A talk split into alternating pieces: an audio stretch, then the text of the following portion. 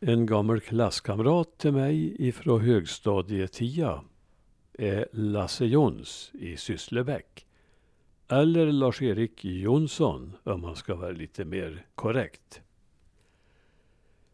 Vi har också jobb tillsammans som lärare några år.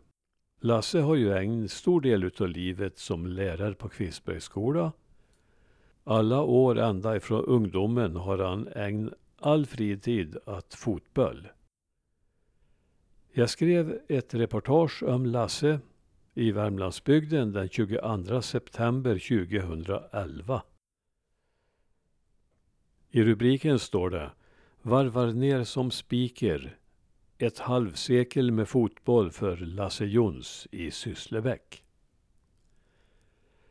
Vi hälsar våra gäster från Dala-Järna varmt välkomna till kvällens match mot Nordvärmlands FF här på Lillängen i Sysslebäck. Det är 3 augusti. Det är en solig fotbollskväll på Lillängen i Sysslebäck och den välbekanta rösten i högtalarna tillhör Lars-Erik Jonsson, i bygden känd som Lasse Jons. I mer än ett kvarts sekel har denna röst förkunnat laguppställningar, målgörare och resultat när Nordvärmlands FF, tidigare Finnskoga FF, spelar sina fotbollsmatcher på hemmaplan.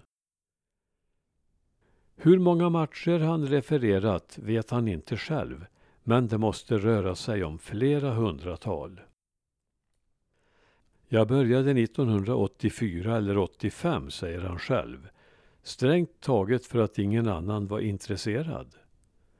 Till att börja med var vi tre som skulle alternera, men de andra fick förhinder och det blev snart bara jag kvar. Spikersysslan är helt ideell och när högtaleriet fungerar, då är det roligt, säger Lasse. Ingen ersättning alltså. Snarare tvärtom, eller hur var det? Ja, säger han, sysslan har snarast kostat mig pengar.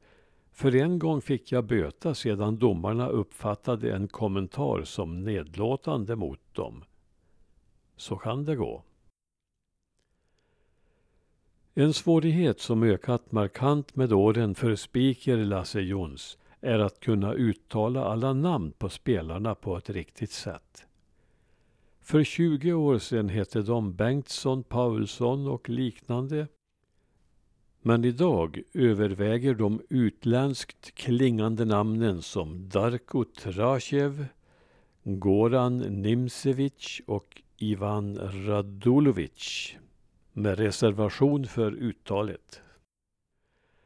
Bortsett från eventuella uttalssvårigheter är det inte en nackdel för en fotbollsfantast att hemmalaget måste fyllas med importer. En del tycker nog så, men inte jag, säger Lasse utan att tveka. Det här innebär att vi får se så mycket bättre fotboll. Jag kunde inte ha drömt om att vi skulle få uppleva division 3-fotboll här uppe. Utan dessa importer skulle vi inte få ihop ens till ett division 7-lag. Så är läget idag i en bygd som en gång hade fotbollslag i snart sagt varenda liten by. Men urbaniseringen har farit hårdhänt fram och andra sysselsättningar än fotbollen konkurrerar om ungdomarnas fritid.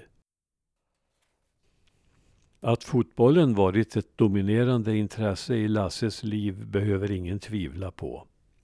Han var själv aktiv spelare i ungdomen och som 15-åring var han lagledare för SBIKs pojklag, Sysslebäcks dåvarande klubb. På den tiden var bilen inte en självklarhet i varje familj på samma sätt som idag. Utan Lasse fick själv låna bilar på Esso och sedan ragga chaufförer när det var bortamatcher. De elva spelarna fick tränga ihop sig i två bilar. Efter pojklagsåren slutade Lasses egen spelarkarriär men intresset levde vidare i hög grad. När han studerade i Örebro låg klubben nere i Sysslebäck. Men när han återvände bildade han 1970 SBK, Sysslebäcks bollklubb, som sysslade med fotboll och backhoppning. Först hade klubben bara A-lag, men när IFK Likenäs och Värmlands Dalby IF lade ner verksamheten ökade spelarunderlaget och man kunde starta B-lag, men också två pojklag. Jag var lagledare och hade ansvar för alla lagen, säger Lasse. Med viss hjälp, lägger han till. Inte nog med detta. Någon skulle också sköta tvätt av fotbollsdräkter och dessutom affischera. Och vem skulle göra detta om inte Lasse Jons? Tala om brinnande intresse. Hängivenhet. Detta skötte han jämsides med heltidsjobb som lärare. Men han medger att familjen kom i kläm. 1974 kom den inte helt obekante Gunder Bengtsson till hjälp som tränare och bördan lättade. Alla kringsysslor sköttes fortfarande av Lasse.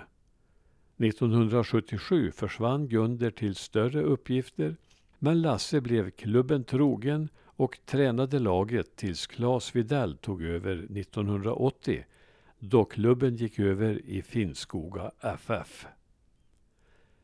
Då trappade jag ner, säger Lasse. Men jag har haft tränarjobb med något av klubbens lag fram till 2004. Detta låter onekligen som ett fullspikat schema, men det fanns gluggar som Lasse effektivt täppte till genom att ta hand om klubbens bingo 16 lördagar om året 1980 till 96. Man kan tycka att en tränare som lagt ner all denna tid på ideellt arbete med bygdens ungdomar skulle ha blivit överöst med tacksägelser från tacksamma föräldrar. Men så är inte fallet. När någon hörde av sig någon gång var det snarare för att uttrycka missnöje med ett eller annat. Sådan är kanske människans natur. Men Lions ungdomsledarstipendium fick han ändå ett år och flera av de ungdomar han var med om att fostra i klubben har hört av sig i vuxen ålder och framfört sin uppskattning.